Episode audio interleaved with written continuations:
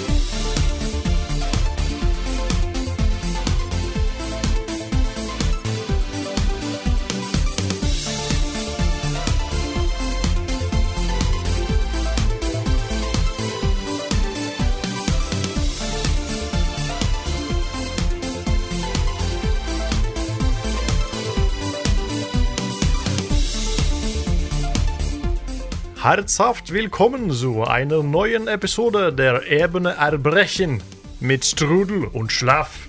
Spiel macht Spaß und du bist schön. Velkommen alle sammen til en ny episode av Level Upcast med Rune og Carl. Det var det jeg sa på tysk-ish.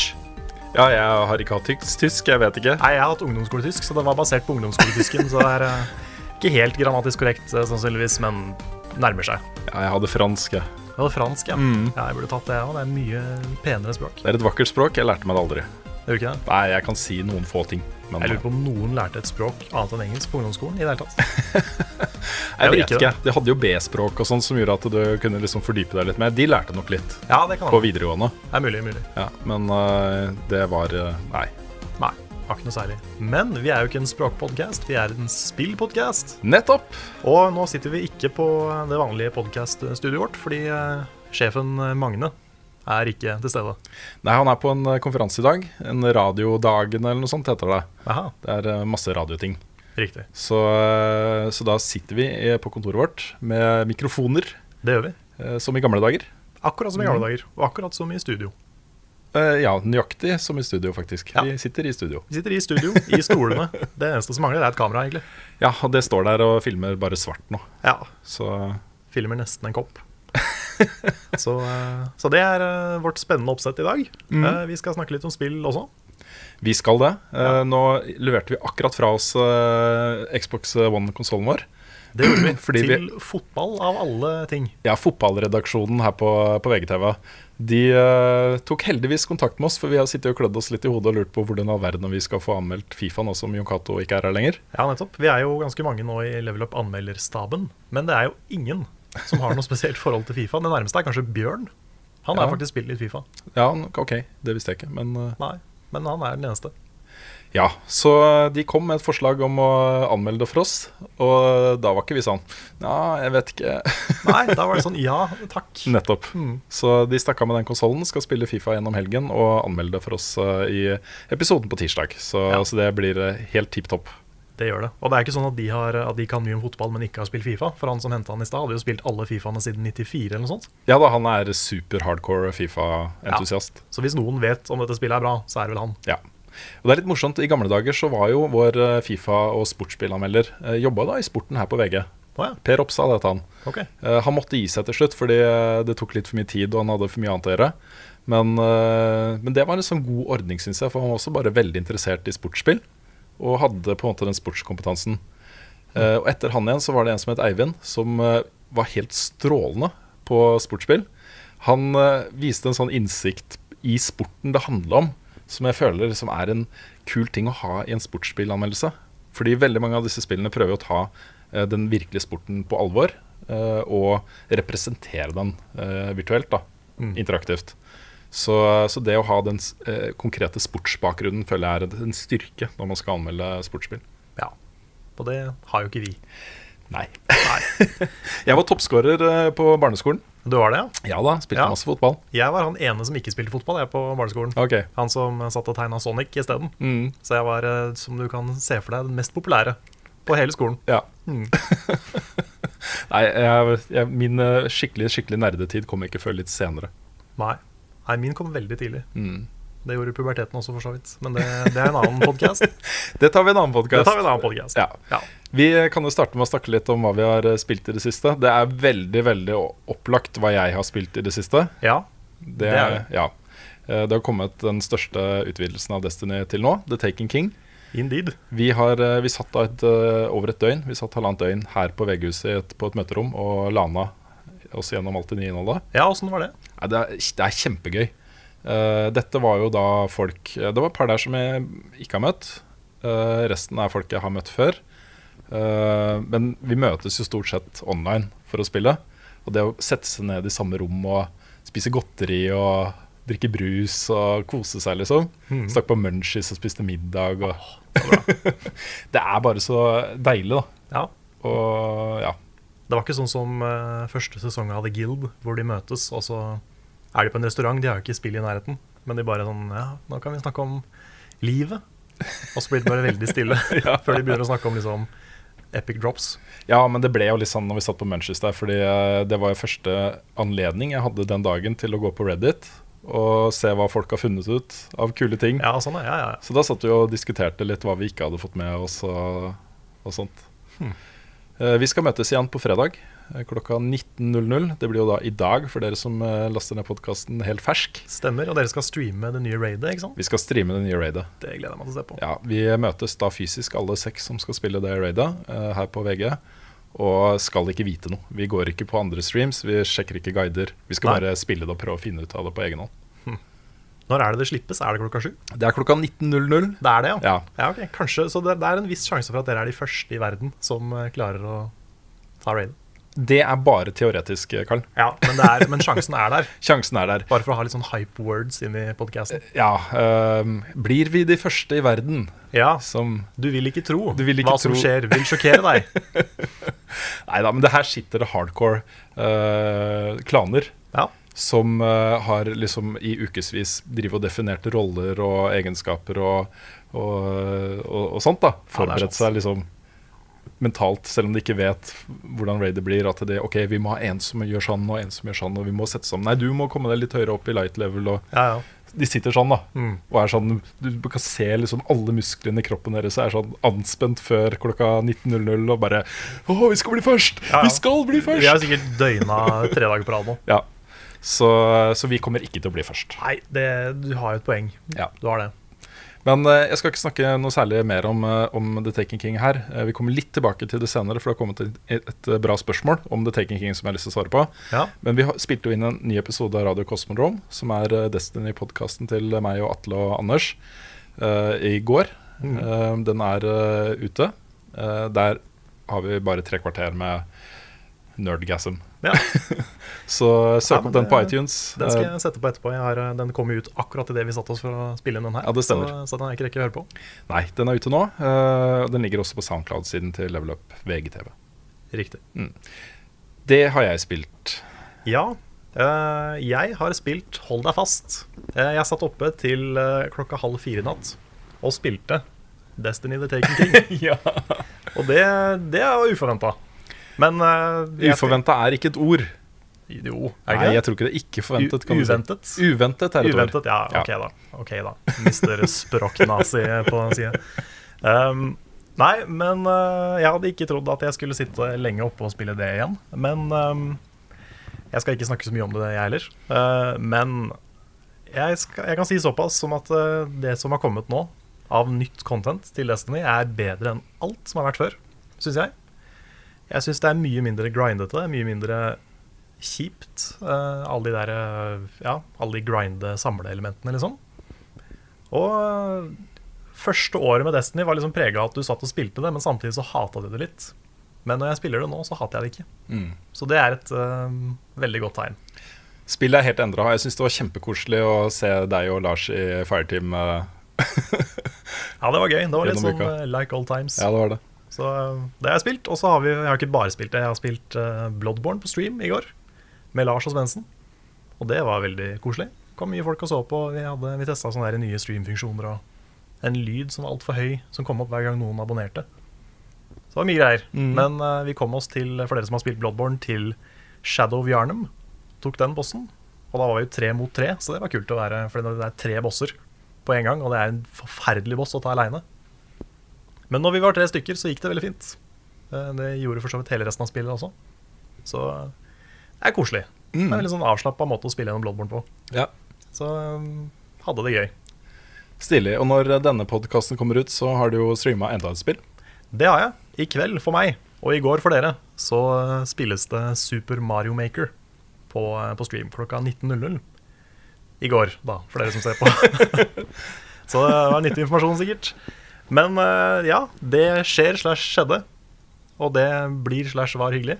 Jeg ser det har rent inn med Du oppfordra eh, seere Ja. av Level Up til å sende inn eh, baner. Det har rent inn massevis.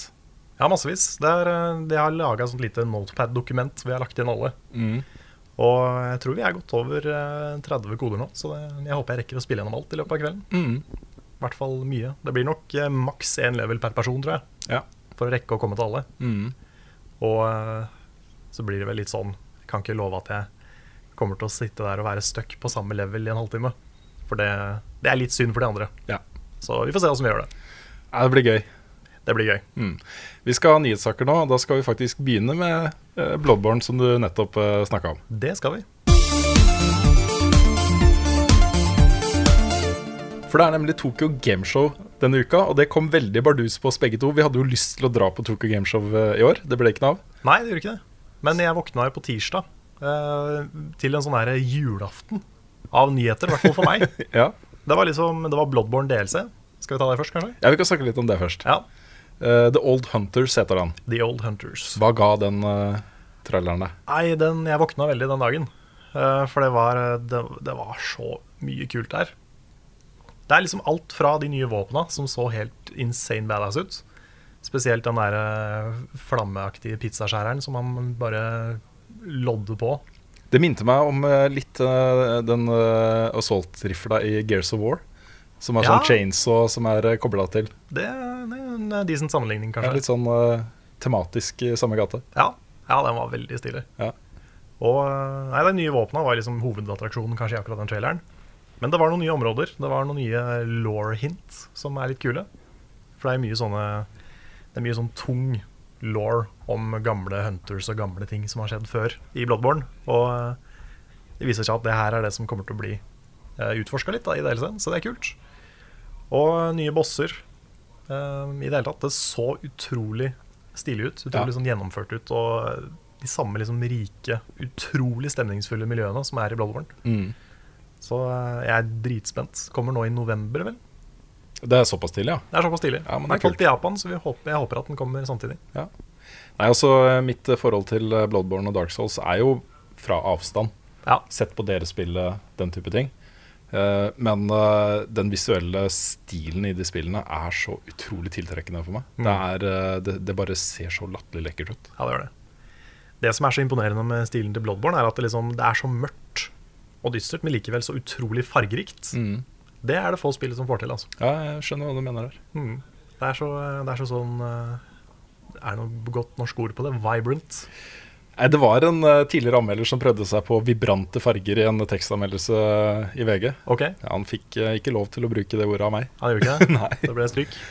Eh, ja, før publiseringen, da. Ja, jeg skjønner. Men, eh, men eh, det er et godt engelsk ord som vi burde hatt. eh, Det er det. mm. Mm. Eh, jeg tror eh, det som ofte brukes, er liksom levende farger. Levende farger, det er, Ja. det er decent. Mm. Det var et engelsk ord. Det er, det er bra. Eh, ja. Det ble også annonsa, dvs. Si eh, det er et gammelt spill som ble r- relansert Ok. eh, på Tokyo Gameshow, som også ligna veldig på Bloodborne. Det heter Nio. Ja, stemmer. N-I-O-H. Var det ikke det? Ja, Eh, jo. OH, ja. Det utvikles av Team Ninja eh, hos eh, Koei Tekmo. Stemmer. Eh, og Det er jo et selskap og et studio som står bak liksom, eh, Hyrule Warriors nå sist, da, men mest kjent for Dead or Alive og, og Ninja Guiden-spillene. Riktig. Eh, De har jo mista den eh, eksentriske skaperen sin, men de fortsetter jo å lage ting. Det òg så veldig kult ut. Ja, det gjorde det. Det så ut som en sånn slags krysning mellom kanskje Ninja Guiden og Bloodborne, eh, Dark Souls-type gameplay. Ja, Med Geralt i hovedrollen. Ja, ja, det var veldig Witcher 3 på han fyren. Ja. Eh, Men det så jo stilig ut. ja, det så stille ut, og det så veldig det, eh, Ja. utvilsomt kommet frem i lyset igjen. Fordi dette var et spill som opprinnelig ble semi-annonsa for rundt ti år siden. Å, ja. Med noen skjermbilder og sånne ting. Eh, og så har det ligget da i limbo siden den gang, og resurfaced nå. Hm. Eh, og jeg tror det er i kjølvannet av eh, Dark Souls og, og Bloodborne-suksessen. da. Ja, det kan jeg kjenne. Dette var et eksklusivt eh, PlayStation 4-spill, kommer i 2016. Riktig. Mm. PlayStation 4 begynner å få mye bra exclusives nå. altså. De gjør det. Until Dawn og Mm. Det er mye bra. Det er mye bra. Og så snakka vi jo i forrige podkast om eh, et eh, mystisk spill som het Kingdom Hearts eh, 2,9. Ja, det var jo også en gledelig nyhet for meg da jeg Ja. våkna på tirsdag.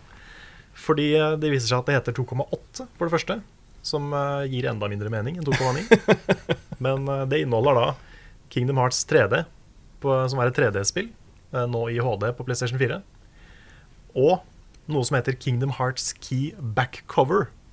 Som eh, jeg vet ikke 100 hva det er for noe, men det er vel en sammendragsgreie av historien fra det browser slash mobilspillet som eh, liksom er i tidslinja helt, helt på begynnelsen. Så det er mye sånn, eh, sikkert litt sånn der eh, ja, murrende law fra, fra det spillet. Mm, Eh, og det tredje er jo en eh, ny greie som heter Kingdom Hearts Birth by Sleep 0,2 er Fragmentary Passage. Square Enix og navn det er, det er helt latterlig, men, eh, men det er da liksom en slags, opp, en slags oppfølger til eh, Birth by Sleep, som er det prequel-spillet til Kingdom Hearts mm, 1. Um, som da handler om eh, en av hovedpersonene fra det spillet. Da. mm. Og det kommer til å bruke den, eh, den samme enginen og samme eh, grafikk og alt mulig greier som Kingdom Hearts 3. Da. Nettopp. Så det er kanskje noe av det mest spe- spennende der. Jeg, s- jeg, jeg skjønner ikke dritt av eh, Kingdom eh, Hearts-serien. Nei, det er ikke rart hvis ikke det. Altså. Eh, det er, du, du må ha spilt mye for å skjønne den historien. ja. Og til og med da er det vanskelig. mm. Jeg så Game Trailers lagde en sånn der eh, timeline, sånn eh, historieforklaringsvideo, for noen år siden. Mm. Og den er jo en time lang. ja, ikke sant? Og eh, ja, bare den er ganske sånn kortfatta. Ja. Så det er mye. Det er mye. Ja. Det er veldig spennende hvis man er inni det. Selv om det er mye plot holes og mye tull og tøys, så er det, det er en spennende historie. altså. Mm. ja, nei, men jeg tror på det, altså. Ja, Det er, det er litt det der Metal Gear-syndromet. Ja. At det er, det er mye. Det er Ja. veldig mye å sette seg inn i. Det, det er det. Ja. Ehm, det ble eh, kanskje uh, snikannonsa The Last of Us 2 Ja, det var en stream, var det ikke det? i en stream hvor eh, det satt et par stykker fra Natt i dag der, og hvor han ene eh, skulle snakke om noen ansiktsanimasjoner og sånne ting. Stemmer. Og så eh, sa han at eh, dette var snakk om teknologi som ble brukt i det første The Last of Us. Og så ble det en sånn s- Sa jeg det første? Det første, det første The Last of Us? The Last of Us. Det ble brukt i, det ble brukt i The Last of Us. Ja. Eh, og det har jo kommet en del hint om at eh, The Last of Us 2, eller hva det nå kommer til å hete, er under utvikling. Men den seansen ble så morsom fordi det var så tydelig at han tok seg selv i det. ja, ja. At ikke det var bare en, en forsnakkelse om at det snakka om kanskje da The Last of Us som kom på PS3, og ikke det remastered som kom på Nei, sånn PS4. er. det. Ja, han kunne jo rodd seg inn i den, kanskje. Jeg kunne rodd seg inn igjen og liksom stadfesta at Hør her, jeg snakker ikke om en oppfølger nå, liksom. Ja. Det var bare en, en eh, forsnakkelse, et eller annet. Han gjorde jo ikke det, da. Det ble bare litt rart. Hmm. Ja, Det ble bare mye mer eh, mistenksomt. Hmm. Det gjorde det med en gang. Men, eh, men det er jo uh, Naughty Dog er jo ikke akkurat fremmed for å lage oppfølgere av eh, gode spill, som de har lagd. Nei, det er jo også når et spill har solgt såpass bra som The Last of Us, så er det vel nesten bare å forvente at det kommer mer. Ja, og så er det et såpass rikt univers at altså, det vil komme mer der. Eh, jeg hadde nok kanskje respektert veldig hvis de hadde kommet med en beslutning om å ikke lage flere The Last of Us-spill, Ja. og bare la det leve i sitt eget univers, sånn som det er. Men eh, samtidig så har jeg veldig lyst til å gjenbesøke det universet. Så Ja. Jeg håper litt at ikke Joel og Ellie er med. I hvert fall, i hvert fall Joel, kanskje. Kanskje en eldre Ellie kunne vært noe. Ja, etter han sa han, fordi, eh, fordi eh, det som var veldig kult med delscenen der, eh, som fortalte da Ellis historie, eh, både før og litt under og sånt i eh, The Last of Us, eh, det var at du gjenbesøkte universet på en helt ny måte. Og det er det fullt mulig å gjøre her. Ja, sant. Hvor det kanskje er biroller, eller eh, at det er på en måte ikke direkte hovedhistorien. Mhm. Men hvor alle som har spilt det første spillet, får et sånn åh. Ja, du får de der Ja, det husker jeg fra Ja, den ikke igjen». sant? Det hadde vært kult. Ja, jeg er enig. Kanskje en crossover med Ratchet and Clank? Ja, det Nei, jeg tror ikke det. Uncharted. Nathan Drake kommer og bare ordner opp. Ja, ikke sant? Eh, apropos delelse, vi har snakka om det før. Vi snakket om det før podcasten. Vi huska ikke akkurat når og hvor det- vi har gjort det. Men eh, det er en annen ny delelse til eh, Ja, Assassin's Creed Stemmer det. Syndicate. Jeg tror vi har calla det et eller annet sted. Ja, Jeg mener å huske at vi har prata om, eh, om det før. Mm. Nettopp det, liksom. nettopp det. At, eh, at Assassin's Creed Syndicate ville få en Jack the Ripper-DLC. Ja. Og det har skjedd. Det har skjedd, det får den. Og det er jo nok en gang dette her med at DLC-en blir annonsert før spillet er ute. Mm. Eh, ganske lenge før spillet er ute også. Ja. Jeg vet ikke hva jeg syns om det, ass. Nei, det vet ikke jeg heller. Nei. For det er eh, De later ikke engang som om de lager nytt innhold til delelse. Nei Det er på en måte OK, dette innholdet her er dritfett. Vi kapper det fra hovedproduktet og selger det som delelse isteden. Ja, nettopp. Det er sånn, hvis du vil ha den fjerde stanga med Kvikk Lunsj, så må du betale mer. Ja. Ja. Jeg, jeg syns ikke noe om det i det hele tatt. Nei. Men det er jo sånn det har blitt. Det er jo det. Eh, har du fått med deg om man spiller som Jack the Ripper, eller er Jack the Ripper bad guyen? Jeg ikke, vet ikke noe mer enn at det kommer. Nei, jeg tror han er bad guyen. Og du spiller som en annen agent eller noe. Mm. Det kan hende at hele Jack the Ripper At uh, Lauren i spillet er at Jack the Ripper er misforstått. At han bare dreper eh, Ja, for sl- slemme det, horer. Det hadde jo vært det kule, syns jeg, da, Ja. hvis han var en assassin. For Ikke eksempel. sant? Men eh, det virker ikke som det er den veien det går. Da. Men det ligger jo muligheter her, da. Gjøre han til en rogue eh, assassin eller et eller annet. En som har eh, gått over til the dark side, eh, opplevd noe veldig, veldig dramatisk som gjør at han eh, blir litt ko-ko. Ja, det er sant, det. Nei, det er eh, en potensielt veldig spennende historie, da. Det er det. Mm. Det er bare synd at de gjør det som DLC. Ja, ja det, det er det. Eh, Project Morpheus trenger vi ikke kalle det Project Morpheus lenger. Nei, nå er det PlayStation VR, er det det? PlayStation Hmm, VR Mm. lanseres i 2016.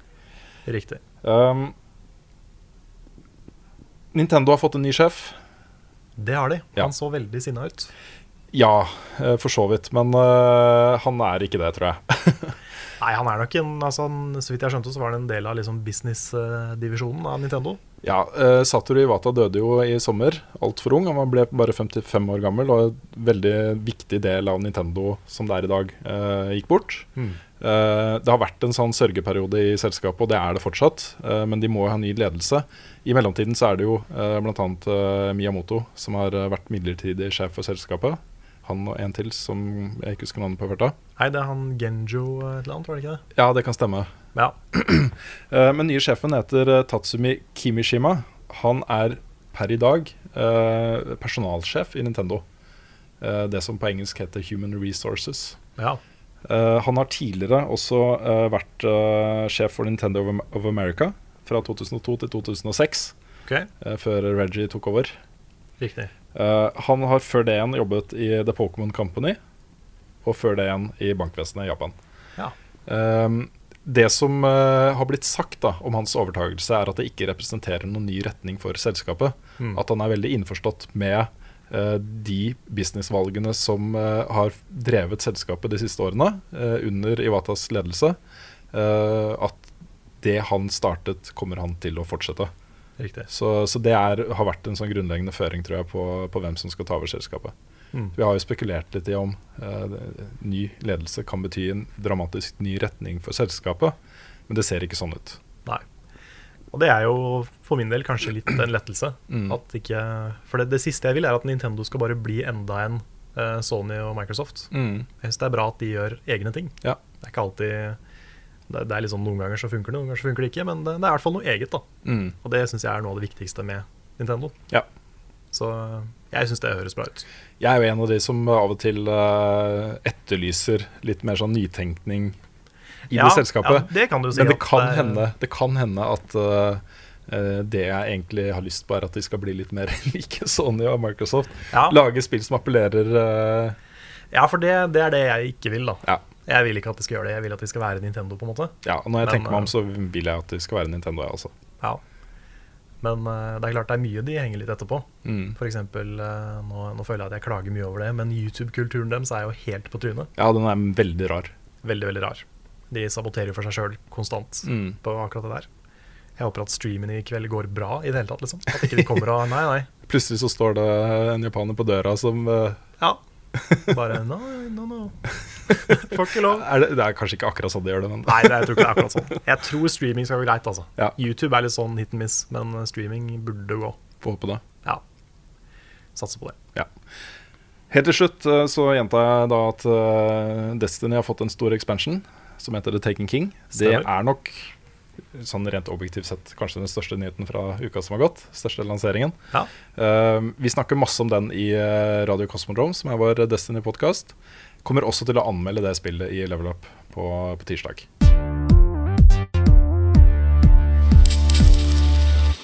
Vi kan begynne med et spørsmål fra Trond Borgersen, også kjent som Sinfor eh, denne gangen. Han har jo spørsmål nesten i hver eneste podkast. Han burde kanskje få sin egen vignett. ja sin egen spalte. ukens Trond-spørsår. Ja. Et eller annet. Ukens Sinfor.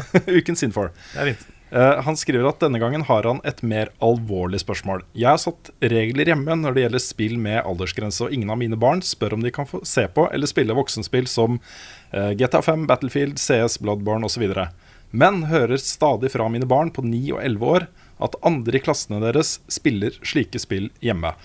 Hva er deres tanker om aldersgrense på spill i dag, kontra for 20 år siden da pikselblod sprutet på skjermen? Det er et vanskelig spørsmål. Det er et stort og fryktelig vanskelig spørsmål. eh, og det er et spørsmål som i hvert fall jeg får veldig ofte fra bekymra foreldre. Um, det har ikke noe klart svar. Nei. Um, det jeg pleier å si da, altså min måte å svare på, er at eh, veldig mange foreldre eh, tar ikke spill eh, aldersgrenser alvorlig. Eh, de tar det mindre alvorlig enn aldersgrenser på film, f.eks. Mm. Eh, så eh, jeg vet at det er mange barn rundt omkring i verden som har, eh, har det sånn hjemme at eh, de får ikke lov til å se på eh, Game of Thrones eh, eller Dexter eller Quentin Tarantino, Mm. men de kan spille GTA. For Ja. det er bare et spill. Ja, sånn, ja. ja.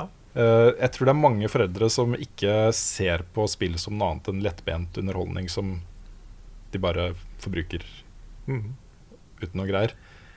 ja Mm. Så, så jeg, det- pleier det er sånn. liksom, sant. jeg pleier å si da at det fins innhold i disse spillene eh, med 18-årsgrense som, eh, som er ment for voksne, rett og slett. Ja.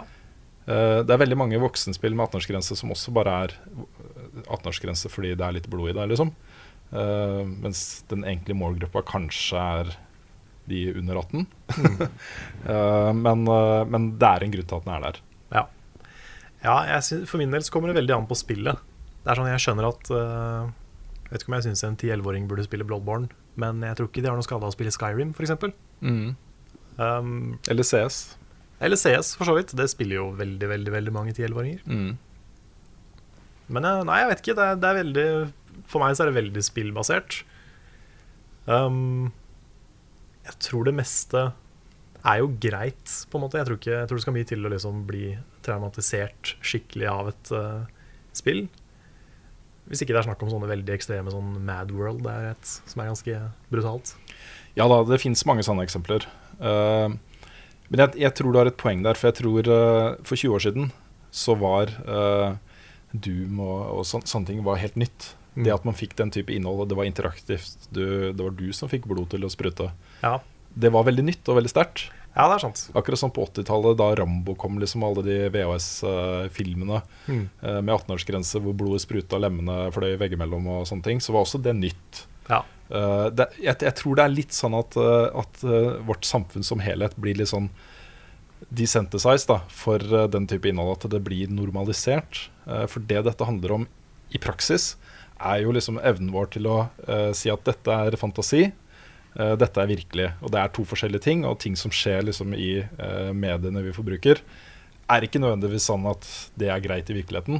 Nei. Eh, og jeg tror barn i dag, i Norge og i resten av verden, har et mye mer uh, avslappa og naturlig forhold til eh, medieinnhold enn det vi som har vokst opp på 80-, 70-, 80-, eh, tidlig 90-tallet, Ja. har. ja, det tror jeg også definitivt. Så, så jeg, det- jeg mener heller ikke at det er skadelig. Det jeg mener er skadelig, er kanskje hvis du har en tiåring som eh, kommer hjem fra skolen og så setter seg ned med eh, 18-årsgrense-innhold hele kvelden til langt på natt, eh, og ikke får noen andre stimuli.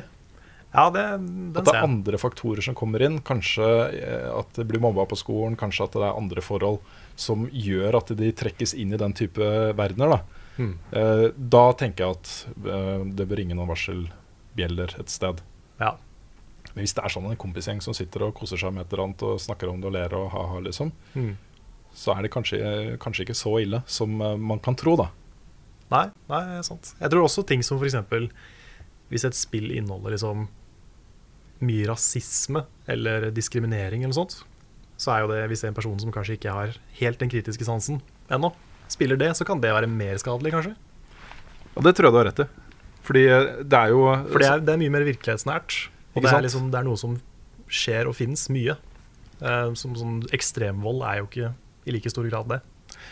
Nei, altså det å utøve vold er på en måte en sånn Den terskelen er høy for alle på en måte uansett. Ja. Jeg tror ikke den blir lavere av å spille eh, voldelige spill eller se voldelige filmer. Nei, det tror ikke jeg heller. Eh, fordi man skjønner at hvis man stikker en kniv i noen, så kan de dø, liksom. Det vet man. Eh, men de andre tingene det tror jeg du har helt rett i. For Jon Cato også snakka mye om, eh, også i denne de- voldsspilldebatten, om man blir påvirka eller ikke, at eh, spill har påvirkningskraft. Og det har jo spill.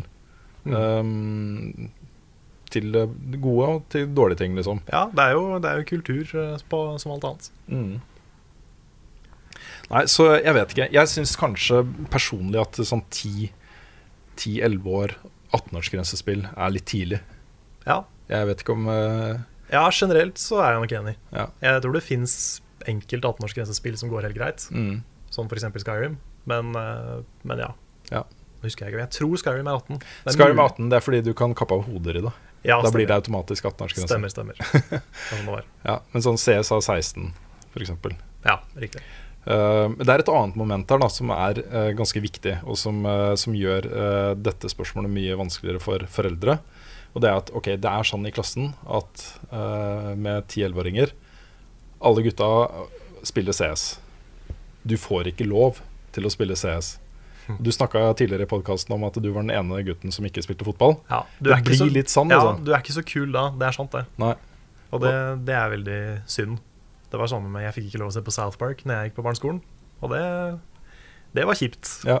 For det gjorde alle de andre. Mm, så, Så- du fikk ikke med deg de Kevin Injoken og Eh, Kenny, mener du? Kev, Kenner, Kenner, Kenny, ja. ja, selvfølgelig. Ja, altså, jeg, jeg så jo på det litt sånn i skjul. Ja. Jeg må innrømme det. Jeg hadde en liten TV på rommet mitt som jeg hadde på veldig lavt volum. Mm. Eh, Så tok jeg opp på VHS noen episoder. Um, men eh, Nei, det var, det var litt kjipt å være den som ikke fikk lov. Nå var ikke jeg den som ikke fikk lov til, eh, til mye, men eh, det var enkelte ting, da. Futurama så fikk jeg ikke lov til. Å, dæsken. Så det, men det var liksom Det det var fordi mamma hadde fått for seg at det var så fælt. Mm. Det var jo ikke egentlig det. Nei, fordi det, det er, for noen barn kan jo det bli et kjempeproblem. At de blir holdt utenfor fellesskapet. Og Ja. Hva er viktigst? At de k- kanskje muligens får se ting de syns er ubehagelig, eller at de blir en del av et fellesskap som jo er så viktig. Mm. Ikke sant? Ja, sant. Det er stort og vanskelig spørsmål her. Det er stort. Det er eh, vanskelig å komme med noen sånne veldig eh, bastante svar på det. Men det er bra disse spørsmålene stilles, fordi det aller viktigste er jo at foreldrene bryr seg. Ja. At de følger med, at de kanskje snakker med barna sine om den type innhold de møter rundt omkring. Mm. eh, Og at de er med på det, liksom. At de Ja. ikke bare lar de holde på. Nei, Det tror jeg er veldig viktig, at foreldrene sitter der og engasjerer seg i hva barna spiller. Kanskje er med på det, kanskje Ja. sitter der og gjør det sammen. Mm. Det er nok veldig lurt. Jepp. Um, vi tar et spørsmål fra eh, Mathias Kjølstad, eh, som har flere spørsmål. Vi kan begynne med hvor mye på en, skal, hvor mye på en skala fra 1 til 100 gleder du deg til den nye Bloodborne DLC-en? Oi. eh, på en skala fra hva sa han for noe? Fra 1 til 100. 1 til 100? Nei, det er eh, Det er lite jeg gleder meg mer til nå, merker jeg. Sånn som kommer i år. Mm. Så mm, det er vel oppimot 100, kanskje. 95. 95. 95, Bare for å begrense det bitte litt. 9 av 10. 9 av 10. Mm. Anmeldelse. Yes. Eh, til oss begge, for så vidt. da Hva tror du Naughty Dog kan gjøre med Half-Life 3? det, er vel, eh, det er vel ikke Dette er i hvert fall ikke en announcement jeg har fått med meg. Nei, det var, det var vel han Neil Druckman som uh, tulla med det på Twitter, tror jeg. Ja. At han sa at eh, kan ikke dere bare gi den lisensen til oss, så Mm. ordner vi det. Ja. Men eh, det hadde vel blitt, eh, blitt et litt annet spill, kanskje. Ja, altså Jeg tenker sånn at hvis nå, det nå er sånn at eh, Valve eh, di, eh, har ditcha Half-Life 3, liksom, at de driter i det fordi de kommer aldri til å klare å overgå folks elleville forventninger til det, det spillet, Så da lar de bare være å lage det. Hvis et alternativ kan være å gi det til et dritbra studio som brenner for å gjøre noe nytt med det, så eh, er jo ikke Naughty Dog noe dårlig valg. Nei, det er sant. Eh, jeg tror helt sikkert de kunne gjort kule ting med, med det universet. Eh, du så jo f.eks. Uh, det nye Devil May Cry-spillet, som jo ble satt vekk fra Capcom. eh, som jo forfriska hele den eh, serien voldsomt. Det var et kjempebra spill. Ja, sant. Men eh, akkurat når det har fra tre, vet jeg ikke. Nei. Det er liksom den der hellige kua Ja. i, i spillmedier fortsatt. Det er det, altså. Så det er skummelt å gi det til noen andre. Altså. Jeg vet ikke. Jeg skulle om jeg hadde turt det hvis jeg var vel. Nei, men jeg, jeg, jeg tror at skulle de først gjøre det, så, så ville Naughty Dog vært et veldig bra valg, altså. Ja. Eh, Det Naughty Dog er uprøvd på, er jo eh, FPS-biten, som, som er veldig sånn PC-fokusert. eh, Og mod-vennlig og sånne ting. da Mm. Men eh, de hadde nok klart å forstå Source Engine, tror jeg. Ja. Så ja, eh, det hadde vært gøy. Skal vi se her, vi har fått et spørsmål fra Truls Nordby Olsen. Sett noen bra filmer i det siste? Nei, Ikke? jeg har, Har- har jeg du sett noen film? jeg har ikke sett noen film i det siste. Nei. Nei, eh, jeg, siste jeg så nå var Inside Out på kino, eh, på originalspråk.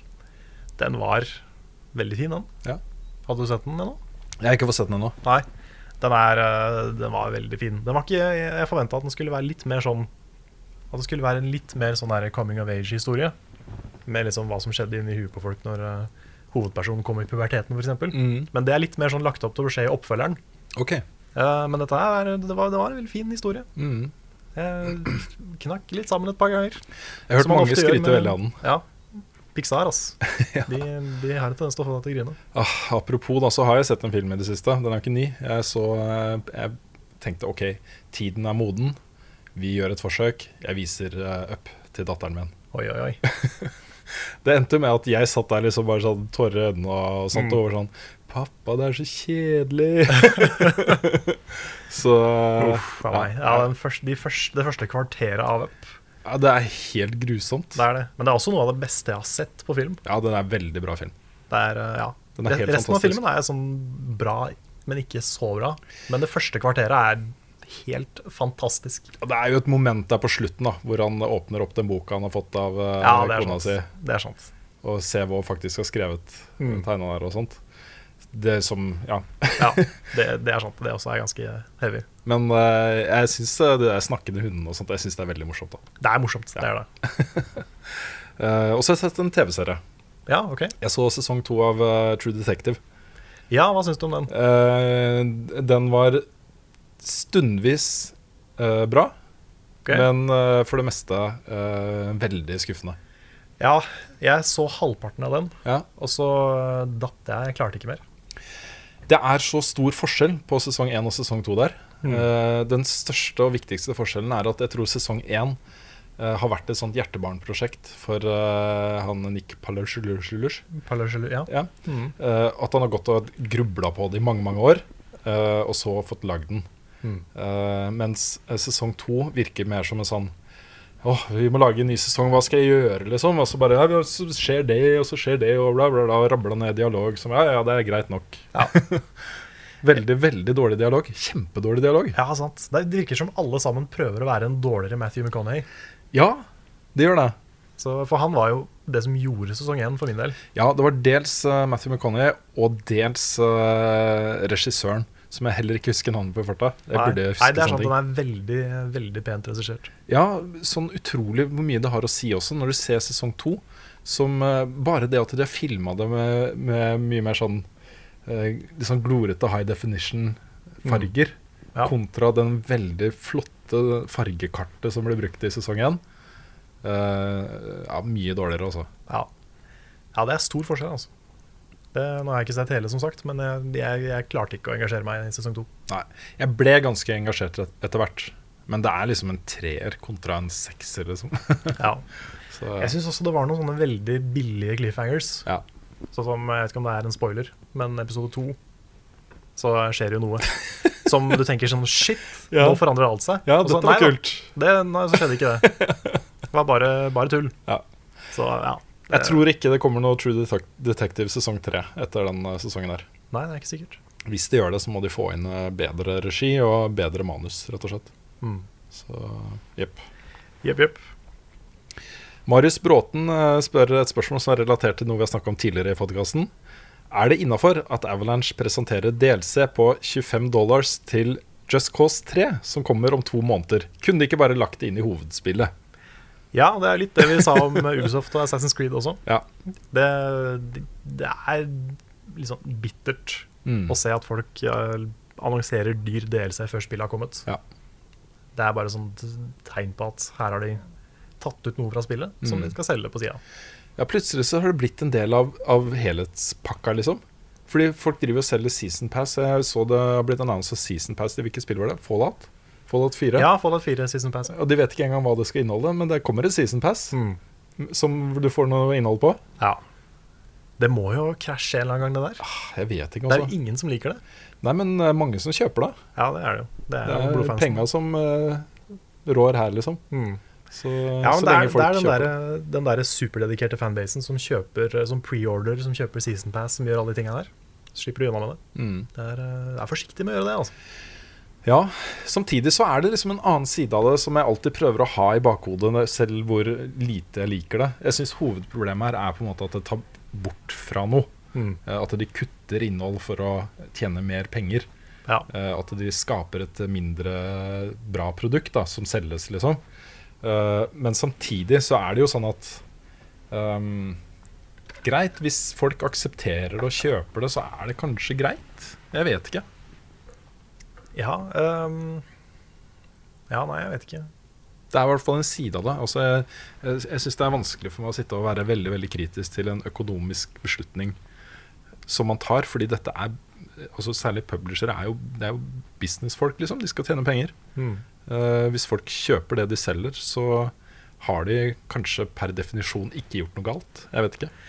Nei, altså det er jo ikke Holdt på å si, det er ikke snakk om at de gjør noe, noe feil nødvendigvis, men det er bare mm, Det er surt. Det er det jeg tenker. Jeg syns det er liksom unødvendig usympatisk. Ja, og Så er det en sånn, litt sånn overbyggende eh, problemstilling her. Og det er også at jeg tror jo spillmediet i seg selv eh, har mye bredere appell enn det det har i dag.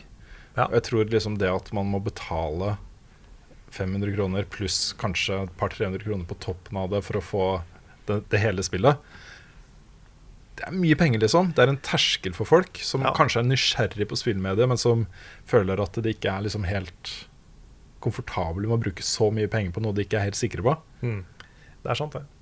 Jeg tenkte litt på det i forhold til eh, Mario Maker, faktisk. At det, hadde, hatt- det kunne hatt så mye bredere appell hvis det var litt billigere. For nå koster jo det full pris. Og det er jo mer et verktøy enn det er et spill, på en måte. Mm. Så eh, det- hvis Mario Maker hadde vært litt billigere, tror jeg kanskje det kunne slått an enda mer. Kunne fått en mye liksom bredere eh, brukerbase. Da. Mm. Det tror jeg du har rett i. Så ja. Kommer nok på tilbud. De gjør nok det. Så da er det bare å shoppe. klart. Det er jo veldig, veldig bra. Mm. Skal vi se, Jeg har fått et spørsmål fra Simen Klausen. Han spør om, eh, om jeg anbefaler noen andre YouTube-kanaler som ikke er min egen eller norske. Eh, det er mange. Jeg ser jo på ganske mange på YouTube. Det er eh, veldig anbefaler Jim Stirling for eh, spilljournalister og kritikere og sånn. Han er genial. Han har vi snakka om før også i podkasten. Eh, Så vil jeg anbefale Normal Boots-gjengen, som er eh, John Tron, Peanut Butter Gamer, eh, The Completionist um, Satchbag er veldig bra. Han har sånne veldig sånn Nesten sånn kortfilmproduserte, veldig profesjonelle spillanmeldelser. Eh, hvis man er fan av Dark Souls og Bloodborne, så Epic Namebro og Vati Vidya er veldig bra. Um, det er veldig mange. Jeg kommer sikkert til å glemme noen. Game Grumps ser jeg på hver dag. De er, eh, det er sånn utrolig deilig sånn chill kveldsunderholdning. Hvor de sitter og spiller spill og prater skitt. Så um, ja. Det var det jeg kom på sånn i første omgang. Det er sikkert mange flere. Jeg syns det er litt morsomt det er en eh, norsk YouTuber som heter Little Big OK, Ok, som plutselig har blitt en av de store navnene i Destiny-sfæren. Aha. Han har blitt liksom featured i community-filmer og Spongy og Oi. masse subs og Ja, svær, eh, kul eh, fyr. Så Fancy, fancy. fancy, fancy. Ja, Har du noen youtubere du ser på? Eh, nei, jeg, jeg har ikke tid til å se Nei. på så mye annet enn Sånn er det. Sånn er det. Eh, Thomas Pollen Stavik lurer på om level up er en fulltidsjobb for oss, eller om vi har andre jobber ved siden av. Det er et spørsmål vi får ganske ofte. Ja, det er det. Um, Det er eh, i aller høyeste grad en fulltidsjobb. I aller høyeste grad. Vi eh, har jo flere på en måte publiseringsgreier, liksom. Vi har jo en podkast, også denne podkasten. Denne podkasten. Vi har en podkast til. Vi har en YouTube-kanal, og en Facebook-side, og en Instagram-konto, og en Soundcloud-side. og Det har blitt mye greier. Det har blitt mye greier. Men eh, dette er på en måte vårt univers. Ja. Level up er vår greie. Det er det vi gjør på fulltid. Det er det. Eh, og så har du på en måte en, en slags fulltidsjobb ved siden av, som er eh, YouTube-kanalen din. Ja, den er jo, det er litt opp og ned hvor mye tid jeg kan dedikere til den. Mm. Men ehm, for level up er jo godt og vel en arbeidsuke. Kanskje mer. Ehm, men eh, nei, YouTube-kanalen min er liksom litt sånn eh, passion-hobbyprosjekt ved siden av. Men eh, nå har vi jo i denne sesongen her eh, brukt eh, ting litt mer sånn sammen. Så eh, Lars sin kanal og min kanal er liksom blitt eh, litt mer fletta inn i level up-konseptet. da. Mm. Så nå kommer det litt level up-innhold der også. Ja, for li- litt av greia her er at eh, vi er på en måte en gjeng Ja. som gjør ting og er våre egne personer og Ja, for vi er oss, liksom. Det, Mm. det er noe med det. Ja. At eh, selv om, altså, om, om jeg lager noe til level up eller til YouTube-kanalen min, det er jo egentlig akkurat det samme. Fordi eh, vi er jo de samme menneskene for det. Og Level Up er jo en eh, redaksjon av mennesker. Ja. som, eh, som de fleste redaksjoner er, Barn av regnbuen. rett og slett. Eh, Christian Juel Antonsen har eh, stilt meg et eh, interessant spørsmål. Han lurer på om jeg følte meg tvunget til å gi Metal Gear Solid 5 eh, terningkast 6, ettersom det har gitt alle de andre spillene i serien en sekser. Og det er eh, Det kom også en kommentar, så jeg, på, på videoen vår eh, på VGTV, eh, eller om det var på Facebook, jeg husker ikke, eh, som var- syntes det var helt ubrukelig å ha en anmelder som var så blodfan av Metal Gear, til å anmelde Metal Gear Solid 5. Ja, den fikk jeg også en gang. Ja, Den, eh, Ikke om Metal Gear, men om noe annet. Ja, For det første så, så mener jeg det er helt riktig av en anmelder å flagge eh, sitt personlige forhold til en serie når det anmeldes, fordi det er en del av pakka. Ta det med i, i din vurd egen vurdering når du ser en sånn anmeldelse. Mm. Dette er en fan, liksom. Det kan hende at eh, min oppfattelse av et eh, spill kan være litt farga av det. Og det, det legger jeg ikke skjul på. Det er på en måte eh, ja, Jeg er veldig, veldig glad i Hideo Kojimas måte å lage spill på, eh, og mener jo at at eh, det er en personlig ting uansett, da. Mm. Fordi det er fullt eh, mulig å mislike hans måte å lage spill på, og få en helt annen opplevelse av spillet. Ja. Men det er sånn, hvis du først, hvis du først catcher den greia, liksom, hvis du først eh, blir hekta på hans måte å lage spill på, og hans måte å fortelle historier på og eh, tegne rollefigurer og alle disse tingene, så er det på en måte ba bare i Metal Gear-spillene du får det. Ja, det er sant. Og det går litt tid mellom hvert spill også, så det er jo ikke sånn at han bare pøser ut Metal Gear-ting og, og sånt. Men eh, når det er sagt, da, så eh, var jo jeg eh, lenge veldig usikker på hvor jeg kom til å havne på når det gjaldt eh, Metal Gear 5. Mm. Eh, det er jo et veldig annerledes spill i serien. Den gjør mange ting veldig eh, på nye måter. Eh, Det er mer et sandbox-spill enn et tradisjonelt Metal Gear-spill. Eh, og selv eh, en Også i de tidligere Metal Gear-spillene så har jo Snake hatt en ekstremt sentral rolle. Han har babla i vei hele fuckings tiden med masse lange dialoger og sånt. Ja, for her er den litt mer sånn stille protagonist, ikke sant? Ja, for eh, en av nøkkeltingene eh, designmessig med et sandbox-spill er jo at eh, hovedpersonen ikke betyr så mye. Det Mm. er spillernes egne handlinger som skaper ting, ikke sant. Eh, og hvis han hadde babla konstant om alt mulig rart og rare samtaler og sånt, så, så ville det tatt bort fra den følelsen av å være liksom en herre over dette universet, ikke sant. For det er jo det som er greia. Du går inn i disse store, åpne verdenene, og så har du et oppdrag, og så kan du løse det på den måten du vil. Og her har du en hel haug med hjelpemidler som kan få deg til å gjøre det på kule måter. Det er liksom det spillet er, da. Ja. Eh, og jeg mener jo helt oppriktig at som sandbox-spill så er det ingenting jeg har spilt som eh, har vært like bra. Hmm. Og det var derfor det fikk en sekser, ikke fordi det var et Met- Metal Gear-spill. Nei. Altså synes jeg, jeg må jo si det i fare for å høres litt eh, krass ut, jeg synes det at eh, en fan ikke burde anmelde et spill, det er et dritdårlig argument. Mm. Fordi det er en grunn til at man er fan. Man er, Nettopp. man er ikke fan bare fordi man er fan. Det er, jo- det er fordi spillet er bra. Det er fordi man syns spillet er oppriktig bra. Ja, det er eh, helt riktig, Karl. Og eh, det er uten tvil eh, de tidligere Metal Gear-spillene har vært eh, blant de aller største spilleopplevelsene jeg har hatt, Mm. eh, hver for seg. Ja. Jeg føler jo også at liksom det argumentet Det går litt inn på det der at anmeldelser skal være objektive. Mm. Men de er jo ikke det. Nei, det er ikke Det det. er ingenting objektivt med en anmeldelse. Det er en mening. Mm. Så det er viktig å være klar over. Ja. Uansett hvem man ser på, så er det, det er ikke noe som heter objektive anmeldelser. Ikke i det hele tatt. Så, så jeg står i, eh, godt innafor eh, innenfor den sekseren. Jeg, me- jeg, mener, jeg står for den. Jeg syns det er en riktig score, da. Eh, og jeg tror kanskje du uh, isteden vil se rundt omkring uh, blodharde Metal Gear-fans være veldig kritiske til Metal Gear Solid 5, fordi det ikke er som alle de andre spillene i serien. Ja, for det, for det å være veldig fan av noe kan jo gå begge veier. sånn sett. Absolutt. At du, du kan være enda mer sånn overbeskyttende for eh, det som var, og ikke være så åpen for det som er nytt. Ja, jeg spilte jo eh, mye Quake før. Og der var det jo sånn hver gang det kom et nytt Quake-spill, så var det jo massevis av blodhard, eh, blodfansen liksom, som bare åh, jeg hater alt det nye. Ja, ja. Det var mye bedre før. og så gikk det eh, kanskje tre-fire måneder, og så ja, det er- ok, det er ganske bra, jeg får spille dette her også. At det var litt sånn, da. Ja. Så eh, fansen er ofte mye mer kritisk til ting enn eh, enn, eh, nykommere. Jeg husker jeg opplevde veldig det i forhold til Mass Effect. Fordi eh, jeg syns jo de spillene er kjempebra. Men de små tinga som er feil med Mass Effect, de irriterer meg så utrolig mye. Fordi det er så nærme å være dritbra. Ja. Så ja, det er jo dritbra, men det er, det er så nærme å være sånn på et helt annet plan, da. Så det er liksom Fordi jeg er fan av Mass Effect, så er jeg kanskje enda mer kritisk til Mass Effect enn det jeg ellers ville vært. Så det er litt sånn, altså. Det, det er jo det. Jeg kan ta et Metal Gear-spill eh, spill, sier jeg. spørsmål eh, til, kanskje. Ja, Fra Ole Magnus Nord Johansen. Halla! Mossing, sannsynligvis. Eller i hvert fall fra Østfold. Ja. Må man, ha, må man ha spilt de andre Metal Gear Solid-spillene for å kunne kose seg med Phantom Pain? Eh, nei. Nei. Det må du ikke. Eh, jeg har vel vært inne på det, og jeg var vel også inne på det i anmeldelsen, hvis ikke jeg husker det feil. Men det er sånn man får mer igjen for det hvis man eh, har spilt de andre spillene før.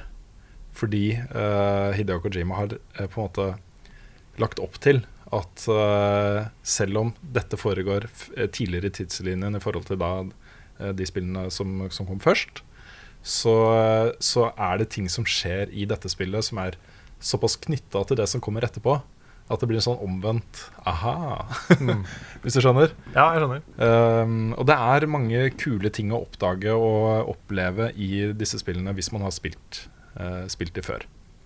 Eh, uten tvil. Men samtidig så er det på en måte eh, Historien er jo ikke konkludert. Dette kapitlet her kommer jo midt i tidslinjen. Eh, det er to spill som er på en måte før i tidslinjen, og så er det eh, tre spill som er eh, etter. Mm. Um, og da inkluderer jeg eh, Peace Walker, som var et PSP-spill, var det ikke det? Eller var det Vita? Jo, kan stemme at det var PSP. PSP. Eh, som er canon. Eh, men det er liksom sånn, hver gang noen spør, stiller det spørsmålet, så pleier jeg å si at har du muligheten til det, start med Metal Gear Solid 1. Og så spiller du det kronologisk etter den rekkefølgen de kom i. Fordi det er eh, Ja. De tingene som er med his- his- historiemessig i de forskjellige spillene, er kulere hvis du har eh, spilt eh, de andre tingene før. Skjønner. Ja, for jeg har, Vi fikk jo Metal Gear på kontoret. Fikk jo to eksemplarer. Så jeg tok jo med det ene hjem og vurderte å begynne å spille det. Ja. Men eh, jeg vet ikke om jeg burde spille det andre først. Altså. Det, er, det er litt sånn driver og vipper mellom det ene og det andre. Det er jo eh, en av tidenes beste spillserier. Og Jeg burde jo gjøre det uansett. Og med dette kapitlet her som den endelige siste biten av puslespillet i Metal Gear-sagaen, liksom. Ja. Så det å på en måte starte nå og vite at Det blir liksom som om Game of Thrones skulle vært ferdig skrevet, ikke sant? Og sette Ja. seg ned med hele serien. Ja, sant. Og det har holdt seg. Det har holdt seg bra. Jeg spilte jo nylig Metal Gear 1. Um, eh, Metal Gear Solid 1. Ja. Det er kult å spille. Man må liksom venne seg til at det er gammeldags. Eh, Men hvis man først gjør det, så er det dritfett. Ja, ja nei det, eh, jeg, jeg har liksom tenkt at liksom, til sommeren så skal jeg begynne å spille det. Eller til vinteren eller til jul. Men eh, jeg må bare finne en dag og sette meg ned og gjøre det. Mm.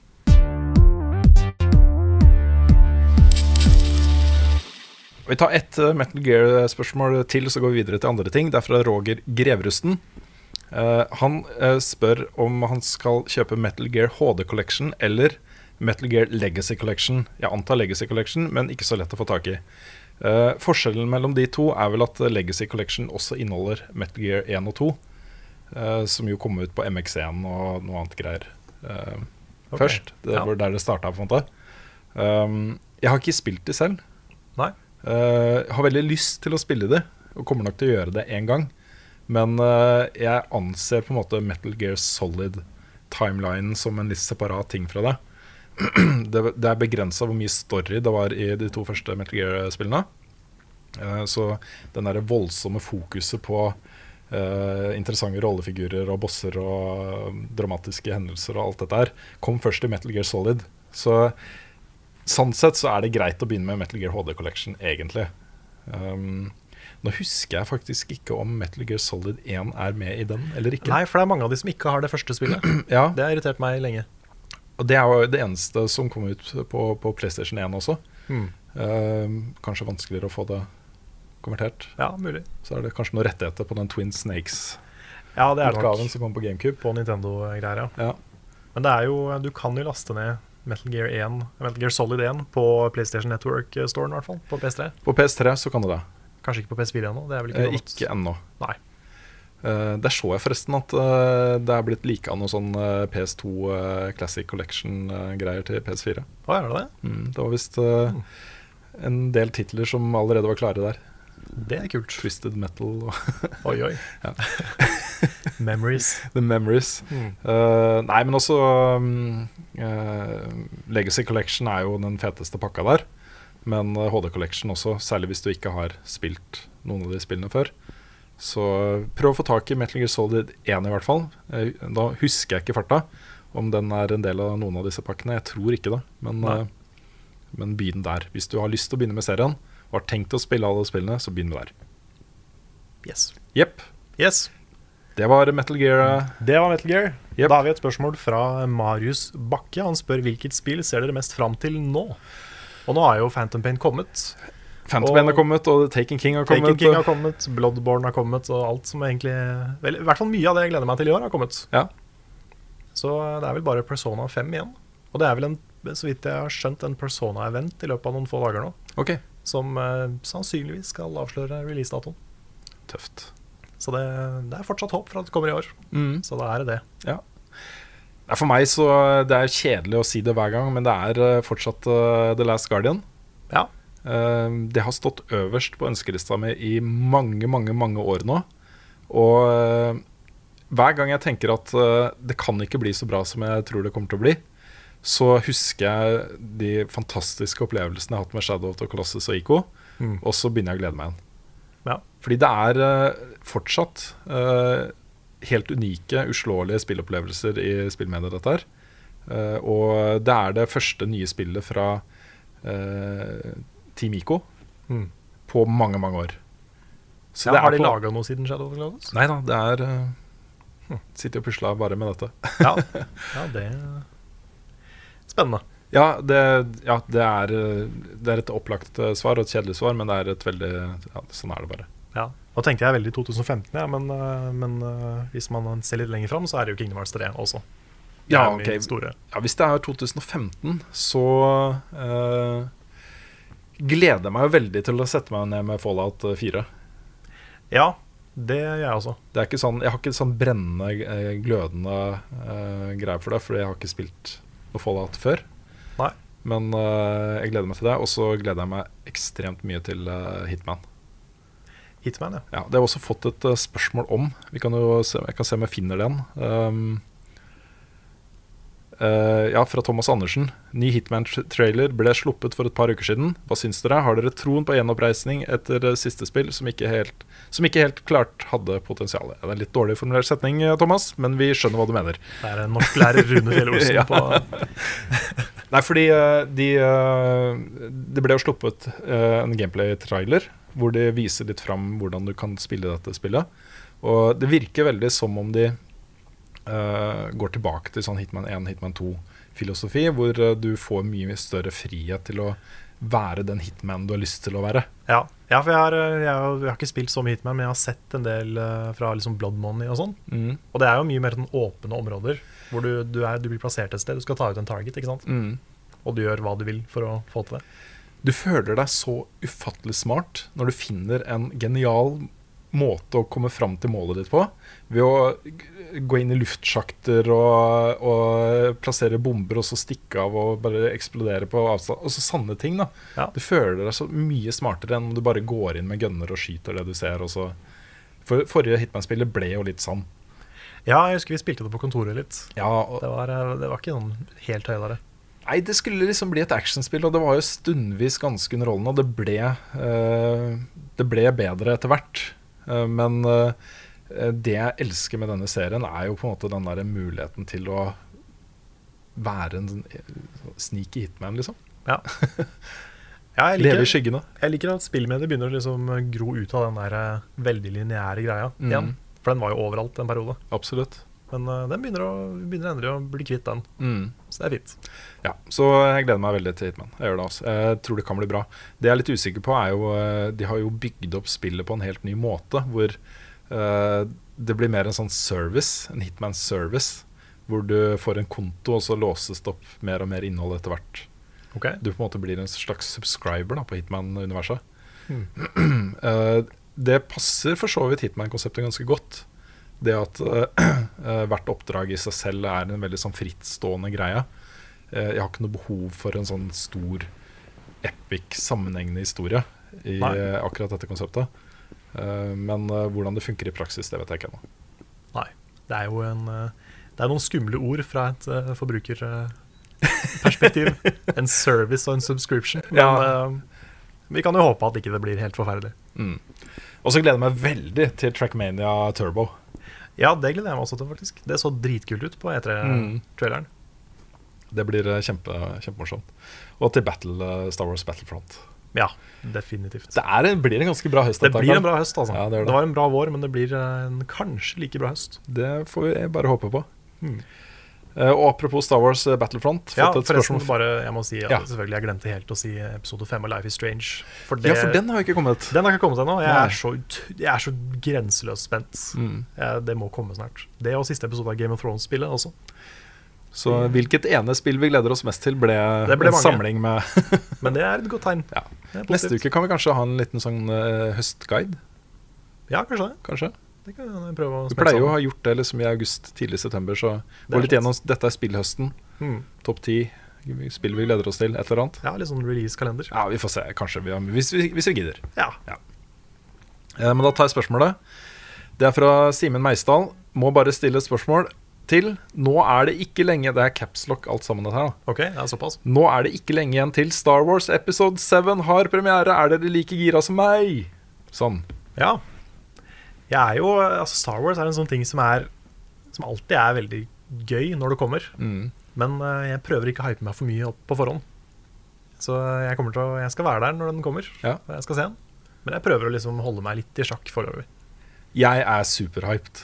Jeg er heller ikke sånn der Die Hard Star Wars-fan, eh, når det er sagt. Nei. Jeg, s- selvfølgelig har jeg vokst opp på Star Wars og elska jo eh, de første filmene og eh, hadde figurer og alle de tingene der, liksom. Så jeg er veldig glad i Star Wars-universet, men jeg er ikke jeg, jeg tror kanskje episode 1, 2 og 3 tok litt bort fra min, min lidenskap for serien, da. Men jeg har ikke lest bøkene, jeg har ikke gjort alle de tingene der, liksom.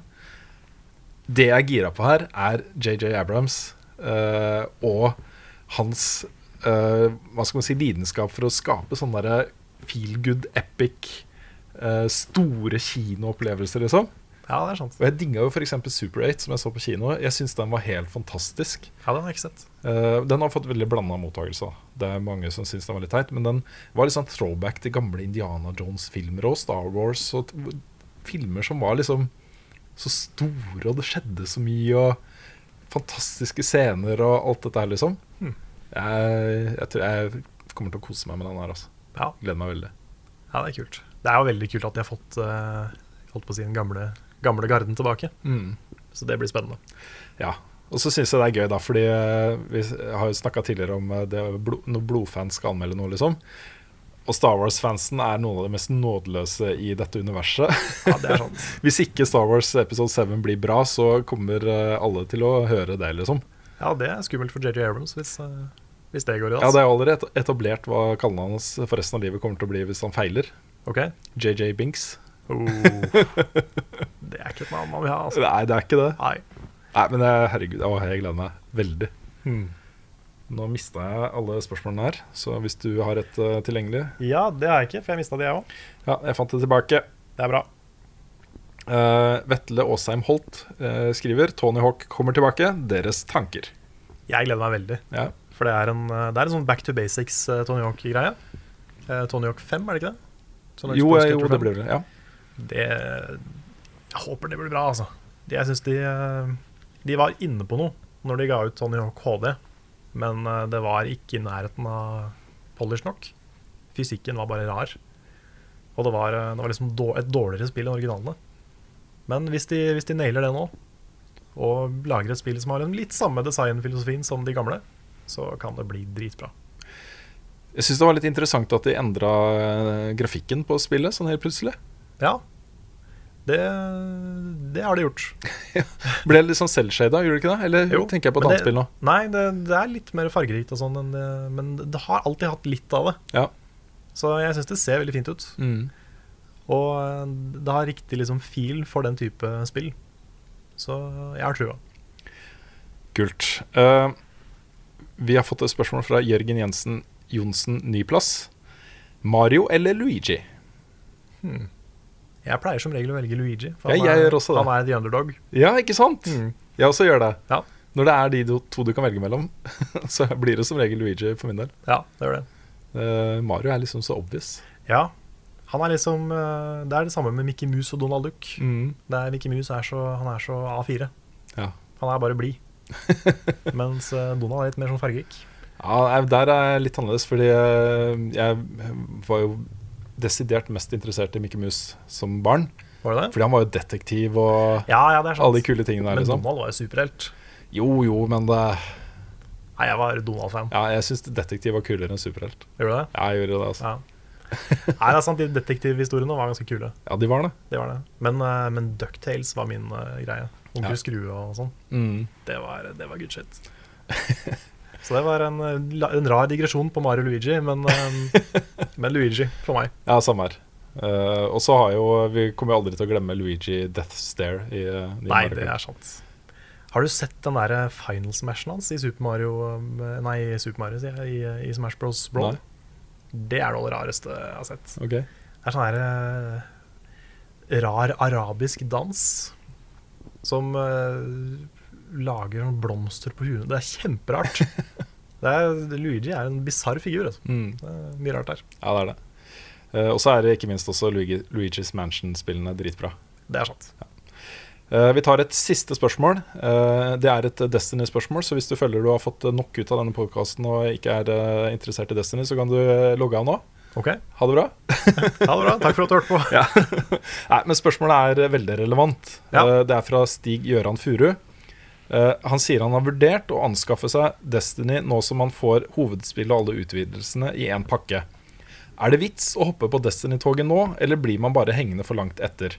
Liker i hovedsak raidi- raiding, skriver han. Ja, Og det er et, det er et godt spørsmål, eh, og et veldig relevant spørsmål, fordi det de har gjort nå med innholdet, er jo å eh, eh, bygge det opp på nytt. De har all, alt det tidligere story-innholdet er questifisert, eh, sånn at man går inn og så velger man en quest som er liksom eh, originalspillets historie, og så kan man følge den til completion, og så går man videre til neste quest. Mm. Eh, levelinga er endra. Så du, alt XP du får, går rett på levelinga di. Eh, selv etter level 20. Før var jo level capen 20, og så ble det light etter det. Mm. Eh, så du kommer deg til level 40 bare ved å spille storyen.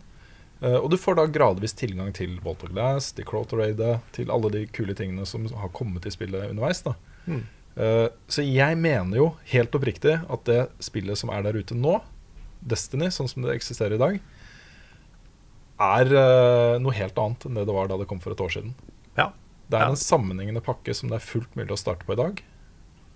Og det tar, vil jeg anslå, et sted mellom 15 og 20 timer å bli level 40. Bare ved å spille storyen. Ja, jeg er helt enig nå. At nå og nå er det satt, altså Min store ting var jo at det var lite content. Eh, nå er det jo mye, mye mye mer content. Så hvis du, hvis du skaffer deg Destiny nå, så har du mye å gjøre framover.